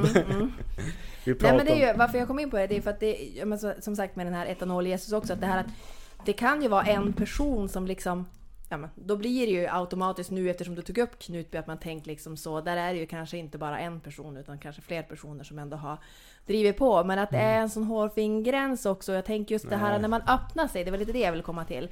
Om man liksom har öppnat sitt hjärta och man liksom känner att ja men ja, ja och man liksom tar in det här Men, är ja, fantastiskt. men du har en poäng där. Alltså nyrörelser och ungdomliga rörelser, där finns det en större risk. Men om du har en kultur där det finns erfarna med, då, då finns det de som säger att, "Ja, men vänta nu. Lugn det. Är det här, är det här för, för, förenat med Guds ord? Jag var också rädd för det här när, när jag kom till tro. Jag insåg att ja, men jag kände ju att det fanns en gud. Då tänkte jag hjälp. Nu kommer jag gå, nu blir jag med i en sekt. Jag tänkte precis det och jag, jag var som vaksam på mig själv. Har jag förändrats? Har jag förändrats? Och egentligen hade jag ju inte förändrats. Ja, jag hade förändrats på det sättet att jag hade fått en tro, en kristen tro och det förändrade mitt sätt att vara politiker. Jag kunde inte längre stå i fullmäktige och dömgöra inom citationstecken, mina politiska motståndare, för de var ju ändå Guds älskade barn och även om de tyckte annorlunda än mig så var de ju inte mindre älskade för det och, och det var därför jag slutade med politiken, för det, det gick liksom inte att vara oppositionsråd och, och samtidigt vara troende, tyckte jag i alla fall. Men, men var, var började jag? Vi vet inte vart vi börjar. Nej, men, men alltså det, jag var ju rädd för det där att, att, att vara en sekt, men jag, jag, jag var väldigt mån om att jag skulle fortsätta att vara samma som jag alltid hade varit. Alltså, alltså- fast, fast med en tro. Och jag var väldigt mån om att behålla mina gamla vänner också. Det var inte så att då ska jag bryta med mina gamla vänner och så ska jag skaffa mig nya. Jag har fått nya vänner, men jag har också behållit mina gamla vänner. Känner du att de tycker att du har förändrats? Eller tror du att de tycker Nej, jag, jag, alltså det, det, det är det att de också... De också är mina gamla vänner på, på samma gamla sätt så att säga. Det är ju det som är grejen. Att, att, eh, att om, man, om man behåller... Eller jag tänker så här. Att om de någonsin, mina gamla vänner från Boliden, om de någonsin ska komma till tro så är det ju större chans de kommer till tro om jag är där och är samma gamla eh, gamla Håkan och kan umgås med dem än om jag säger nej nu era syndiga beläten, er vill jag inte ha med att göra. Då kommer man ju naturligtvis att stöta bort dem ännu mer. Men alltså nu när du säger det där, jag har ju eh, väldigt lite kunskap om eh, kristendomen och pingstkyrkan i sig, så också frikyrkorörelsen. När du säger så här, det är större chans att de kommer till tro. Är det någon slags uppgift, typ att du ska få dem att, eller att, att du ska Ja. få andra att liksom börja tro? Är det så? Eller är Jag- det jag fick- bara en fördom jag har liksom, jag- att man ska... Jag fick en, en, en... Vi har ju på många olika sätt. Min hustru är evangelist, så sitter hon på bussen då pratar hon tro med den hon sitter bredvid innan de är i stan. Jag har aldrig pratat tro med henne, jag har inte Ah, träffat henne. någon Du ser, du ser, akta dig du! Men, eh, nej hon är väl försiktig också. Men jag, jag fick ett annat uppdrag och det var att skriva kristna sånger. Och, spela. och jag har Ja, skrivit, jag, jag har ja. skrivit 60 sånger nu och vi är ute och sjunger dem och, och jag vet att, att, att Gud vill att jag ska sjunga de sångerna. Och jag vill sjunga det- andra sånger också. Kallas för missionsbefallning. Ja, det kan, ett kall jag fick. Vad- Det Har du är också att något sånt går då, därför ut och berätta för hela världen. Jo, precis. vad har du för fått för att- uppgift? att Vad prata om det här. Nej men vad Ja. har du fått för uppgift av Herren? Vad jag har fått... Det där är en bra fråga. Ja. Eh, nej men jag har faktiskt blivit SOS-anmäld för det här en gång. för jag diskuterade med en präst och jag sa att jag, det var lite raljerande, men jag sa att jag var domedagsprofet. Alltså jag tyckte det var kul att diskutera med en präst. Mm. Mm. Eh, och då, vad som rörde sig med... Alltså det var ett tag sedan där. Men det var det här med omvänder medan tid finnes. Va? Omvänder medan... Ja, mm. Ja.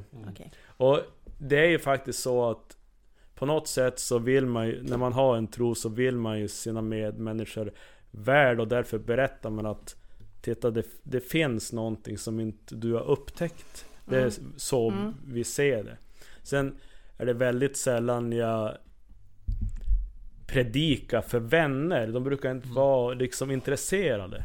Nej. Däremot när man är kristen och öppen med det Så händer det att folk söker sig till en Och v- i de här samtalen Mm, Vi mm. söker de här samtalen Och då får de ju När de öppnar den dörren på glänt så kan de, Så det an, Jag menar inte den dörren Men Mm. att jag liksom upp, Pratar Mm, jag om det förstår, tydligt ja. då Så att man, man, Jag älskar man ju att lyssna på någon Och diskutera liksom, eller prata om sånt där är ju jättespännande tycker jag. Mm. Jag har ju inte öppnat min dörr och jag tror inte att jag kommer göra det heller för liksom att, att släppa in tron så. Men, men däremot så, så tycker jag att det är väldigt intressant med människor att få lyssna liksom hur ni tänker. Men det jag funderar på när du säger det här med att hur du vände liksom och blev eh, frälst och liksom började vara ute och sjunga så här. Är du då anställd av kyrkan? Eller hur Nej. funkar det rent krasst? Hur har du råd att leva det här li- Alltså förstår ni vad jag menar? Hur, är du liksom i arbetsför... Jag vet inte ens, jag vet inte ens vad du har för ålder Håkan. Så jag vet Alltså- inte, men du är ju Jag är inte så, så, du är inte så gammal tänker jag. Så att du, Jag måste vara jättegammal. Då, nej men eh, det är lite olika. När vi, när vi är ute och spelar, då, då tar vi betalt för att vi spelar. och då är det liksom de som kommer Vi och ser brukar, på er som... då kan det vara allt mellan man, ni, vi, ni får en del av offret ungefär. Alltså kollekten Okej, som man tar ja, där. mm. Eller, eller ja, kan man få en tusenlapp för att man åker till någon annan eh, Mm. stad där det finns en kyrka och så vidare. Sen det här i, i Arvidsjaur där vi är två dagar i veckan, det har vi betalt för av Älska Norrland. Okej, Så ja men just men, det. men annars så gör jag det mesta av det här gör jag ju... Alltså, allt engagemang i Pingstkyrkan är ju ideellt.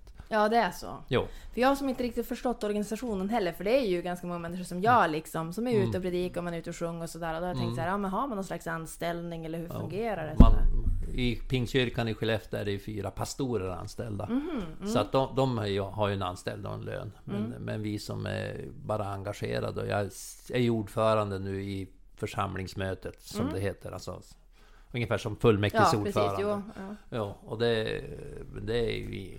Det har man ju inget betalt för så att säga. Utan det är bara för att man vill göra det. Någon måste ju göra det. Och jag vill gärna bidra till att liksom Guds församling kan fungera. Och jag tänkte, du har ju kunskap i de här, alltså hur man liksom Jo, de tycker att det har blivit ordning på församlingsmötena. Men eh, tycker ni att politik och kyrka hör ihop då? Kyrka? Politik och eh, kyrka? Nej, nej, nej, nej, nej, nej. Det tycker jag inte. Och det, det är ju faktiskt så att vi hade ett kyrkoval i höstas. Ja. Och det har ju blivit en politisk plattform. Ja.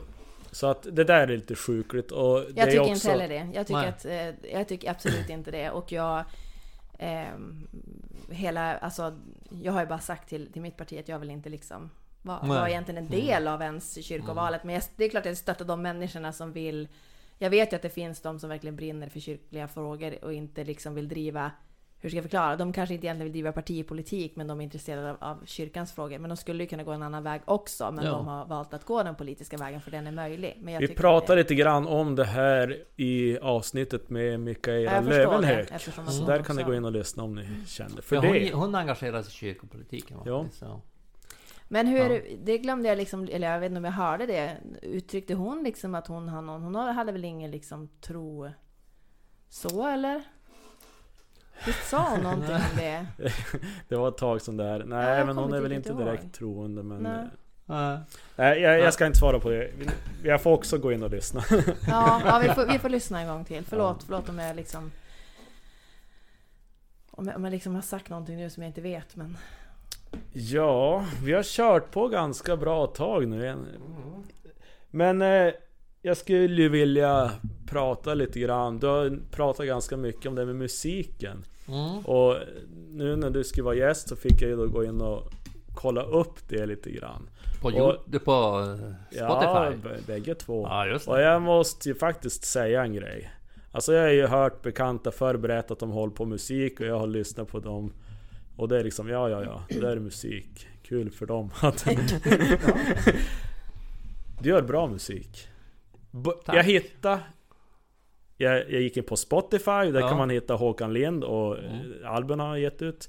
Det är främst andlig musik. Jo, jo. Mm. Sen hittade jag på Youtube, du var med i ett proggband på Ah, 70-80-talet. jo. Det har jag missat. Det var också bra musik. Alltså det var... Jag hörde direkt, det där är ju skön musik. Mm. Du är en bra musiker. Ja, nej. ja. Jag Jag har, jag har en, en gåva, fått en gåva av Herren och det är att skriva musik. Jag är inte särskilt bra musiker, alltså att spela. Det är jag inte. Ja, det är Det är lyssningsbart. så här som du hör på, om du hör på... Det funkar så här musiken, jag, det var ju, det var ju tanterna och farbröderna i den första kyrkan. När jag, de hade övertygat om att du måste börja spela här i kyrkan. De hade ju hört rykten om min hustru skvallrade naturligtvis att, att jag skrev låtar hemma. Ja, så till slut gick jag med på det. Och, så, och då kom de ju fram. Åh, det här vill vi dela med våra barnbarn och bla bla bla. bla. Så här, kan du inte? Ja, då kände jag ju Janne Wenström som har en studio uppe vid, vid isladan. Det heter inte isladan, det heter Skellefteå Kraft Arena. I alla fall. Eh, och eh, så jag ringde och frågade han. Skulle du kunna, om jag spelar några låtar?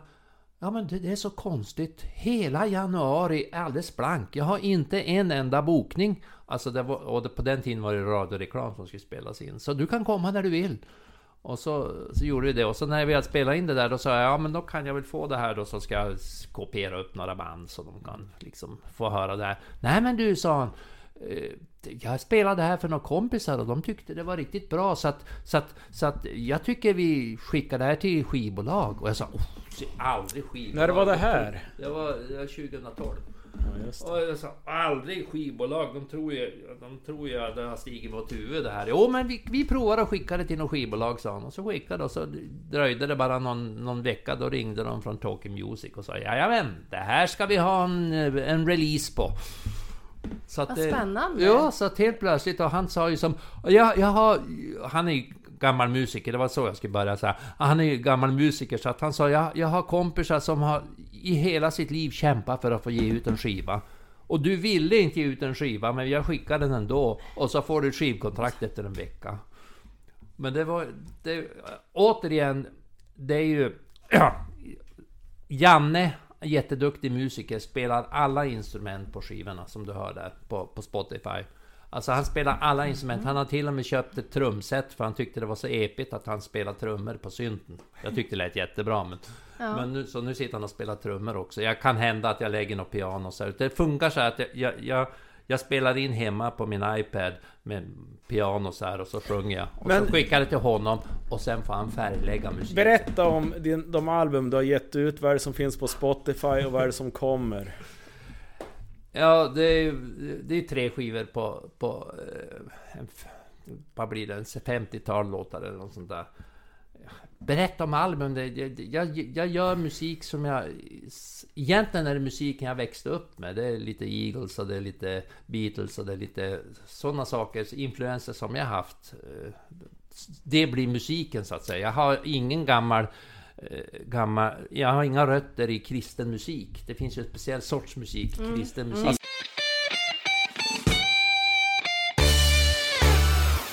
Var, vars var vi? Tillbaka! Ja. Eh, jo, albumen, att dina influenser och... det Jo, jo, kristen och jag, jo, ja, det, det är från Eagles och Beatles och City Boy och sådana där som, som, man, som man lyssnar på i slutet på 70-talet och början på 70-talet. Det är den musiken, mu- musikarvet jag har så att säga. Det var det att nu gör jag kristna texter till den typen av musik också. Så att, och jag har försökt göra lite olika, om man, om man hör på på min andra skiva, det är 21 låtar på den, så är det allt ifrån en, eh, liksom en en jazzlåt i slutet och så en, en, en gospellåt och så en, en ballad och så vidare. Så jag försöker variera musiken också. Så att, ja, det är kul. Ja, i, jag, jag, vi brukar göra så att jag, jag, jag spelar in musiken hemma och, och så skickar jag en, ljudfil till Janne och så får han färglägga den och så sen börjar vi prata om hur vi vill ha det och så sen får jag komma dit och göra en slasksång först. Man gör en slasksång så han kan Ja. fortsätta att jobba med, med filsen och sånt där. Och sen får man komma in och göra den slutliga sången och så tar man in både han och tjejer som får köra till också. Det var Så så kul det, det, det, jo, det är jätteroligt. Det är jättekul. Finns det någon... Alltså finns det, eller är det också liksom någonting man bara har hört när man har vuxit upp, men, men finns det liksom eh, någon, inte krav, men alltså bör man gilla en viss typ av musik när man är med i Pingstkyrkan till exempel? Eller kan man lyssna på, på black metal om man vill det liksom? Eller är det, känns Det kan du göra. inte- ja. För det finns ingenting i, i musiken som är som är syndig så att säga. Det finns ingen Det är så syndig alltså? musik, nej. Men däremot kan det ju finnas dåliga texter. Om det är Ja. Black Sabbath så tror jag du har en del dåliga texter där. Sympathy... Nej, det är Stone Sympathy for the Devil och så, sånt där. Ja men alltså, Ja. ja, men, men alltså det finns ju massor med, jag tänker att det är kultur, det ska ju också liksom kunna Mm. väcka Jag har ju känslor. lyssnat på Thåström hela livet. Vem? Thåström, Ebba Ja. Grön. Ja. Och han har ju den där Häng Gud. Men den... Den brukar jag klicka bort faktiskt. Mhm. Ja men det, det skulle nog inte ens jag lyssna på, eller ens Många, många, många som är, är... Eller det finns flera låtskrivare och artister som är troende som spelar eh, profan musik som man säger. Och då får man titta på texterna och få se, "Va- men varför skriver han så där? En kärlekshistoria. Men är det verkligen en annan kvinna eller man han eller hon sjunger om? Eller är det någon annan? Ja Så just där det. kan du se ganska tydligt att... eh, Men då får de ju man får ju inte... Om man bara nämner ordet Gud i en text, då vägrar SVT eller och radion, eh, alltså Svenska radion, att spela den. De Det- spelar inte Det är kristen ganska musik. sjukt, vi pratade om det idag på, på nämnden också liksom att det här med texterna som finns idag. Jag sa det, jag har ju en dotter som fyllt 10 år. Mm. Att sitta och lyssna på radion och sitta och höra på hur de pratar om att ta självmord eller att, eh, ja men mycket sexuella liksom anspelningar i texter. Mm. Jag tycker inte att det är jättetrevligt att hon sitter och lyssnar på det dagtid. Mm. Eh, sen så, så börjar jag ju då analysera mina egna då, band som jag lyssnar på. Och jag gillar ju W.A.S.P. eh, väldigt mycket. Eh, har alltid tyckt liksom om deras musik och jag sjunger med deras texter. Fast jag har aldrig liksom, helt ärligt, aldrig tänkt på vad texterna har betytt. Alltså det blir som att det är soundet mer som jag Mm. följer. Mm. Sen när vi började analysera dem, jag och en, en, en man, man i Skellefteå, liksom, vi började prata om det där. Att ja, oj. Ja, det är ju kanske inte jättevackra texter. Nej. Sådär. Men, men jag gillar musiken. Och jag tycker att man ska få gilla den musik man, När, jag, när jag hörde på skivorna man blir på- glad av liksom. Mm. På glad. 70-talet så då var det ju så här stora skiv, LP. skivor, ja, Mm. LP-skivor ja. Och då stod ju ofta texterna med på Mm. baksidan. Så jag var väldigt noga med att följa med texterna och analysera vad de sa och så vidare. Så redan, jag var väldigt tidigt inne på texter. Ja, nej, men, och man har ju olika inte För jag har ju Mm. mer som sagt på soundet, kanske trummorna ganska Ja. mycket också, hur det liksom låter så. Så jag är inte så jätte... Alltså, eller jag har aldrig varit fokuserad på texter. Mm. Så att det är ju... Men beatet är ju viktigt på vilket humör man är och vilken Exakt, musik man väljer. Exakt. Mm. Mm. Jag har också lys- lyssnat mycket på Ebba, Ebba Grön, men jag har Ja. faktiskt inte hört talas om den där låten. Så jag har... Ja, Ja. den borde Den ha kanske inte går hem i Pingstkyrkan i alla fall. Nej, Nej, eh, det gör han nog inte. Nej men den, den går... Alltså jag tänker att egentligen den kan ju inte gå hem hos så många. Generellt bara. Och skriver man en sån text då, då måste man ju tro att det finns en gud. Och tror man att det finns en gud, varför ska man då heja på djävulen? Han har ju redan förlorat. Men då är ju jag, att- då kommer jag så till, till att jag har ju verkligen eh, sett på mycket dokumentärer om satanism senaste året. Jag Ja. tycker den är jättespännande. Eh, väldigt, väldigt jämställd. Eh, däremot så kan jag ju känna att satanism Kan det här liksom, vara ett satans bländverk du pratar om? Men jag kan känna så här, de är ju väldigt emot liksom att, det, att man ska ha eh, religioner och så, här, så men samtidigt så, så är det ju som, eller, eller de är ju väldigt emot, hur ska jag säga, sekter och sånt också. Samtidigt så driver de ju som på samma sak själv, så det är det som är lite Mm. Man intressant. kan väl inte vara satanist om man inte tror på djävulen? Eller? Nej men alltså det är ju det som blir som så märkligt. Man har gjort det liksom för att provocera att man tror på Gud Mm. och så ja, tror man på något annat. Men... Nej, det här är intressant. Det här Nu, skulle vi kunna nu, nu, på nu. hur som helst. Vi spelar in en till podd. ja. ja. Ja, det är spännande att höra andras... Eh, det är det här jag gillar, att man inte gillar, att man inte tycker lika. Mm. Om Leif hade varit här, då hade han också fått en, en annan... eh, Oj vad han skulle vilja ha varit här Ja, idag. jag känner också det. Vad kär du Leif? Men jag vet inte om vi rent ska avrunda så här. Och Mm. det är faktiskt så att nu ska ni inte slå av det här direkt för att vi ska avsluta med en låt från Det är titellåten på min nya skiva som kommer ut den 25 i denna månad. Ni är alltså först skivan. som Och det får är höra det här. titelspåret, den heter En lovsångares bön. Ja men det är fantastiskt. Mm. Men då... Skivan heter det och låten heter det också. Just Men det är det. ju, det är ju 14 Och den låtar till kommer- på skivan. På Spotify eller? Jo, det är, eftersom det är skivbolaget som ger ut den så lägger han ut det på Spotify också. Just Så det. kommer en ny video också som jag var idag i morse och spelade in. Brukar du spela in videos? Ja, Nu alltså, du det är så här. intervjun här. Skiv, skivbolaget kräver att vi ska ha en video också när vi släpper en skiva, så det är bara att vi Aha. spelar in. Och Janne har börjat spela in, han gör tv-reklam också numera. Så han spelar han är jätteduktig. På det också. Nu gör vi så här. Vi säger tack för idag. Tack, Tack, Håkan Håkan. för att du kom. Och Ja. nu ska vi lyssna på musik. Ja! Lovsångares bön. Ja.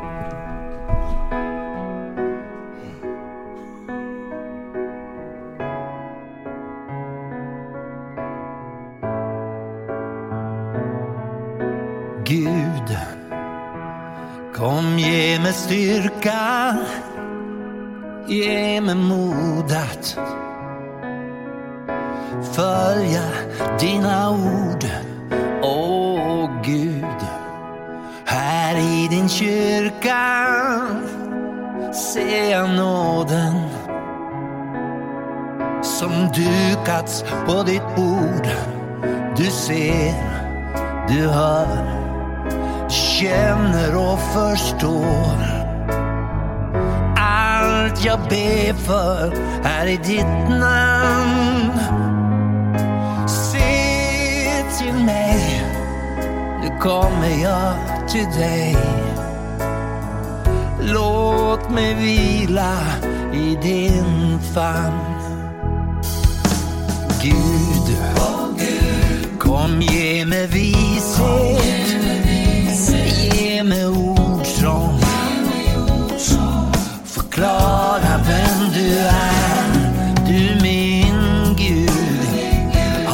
Dans la puissance.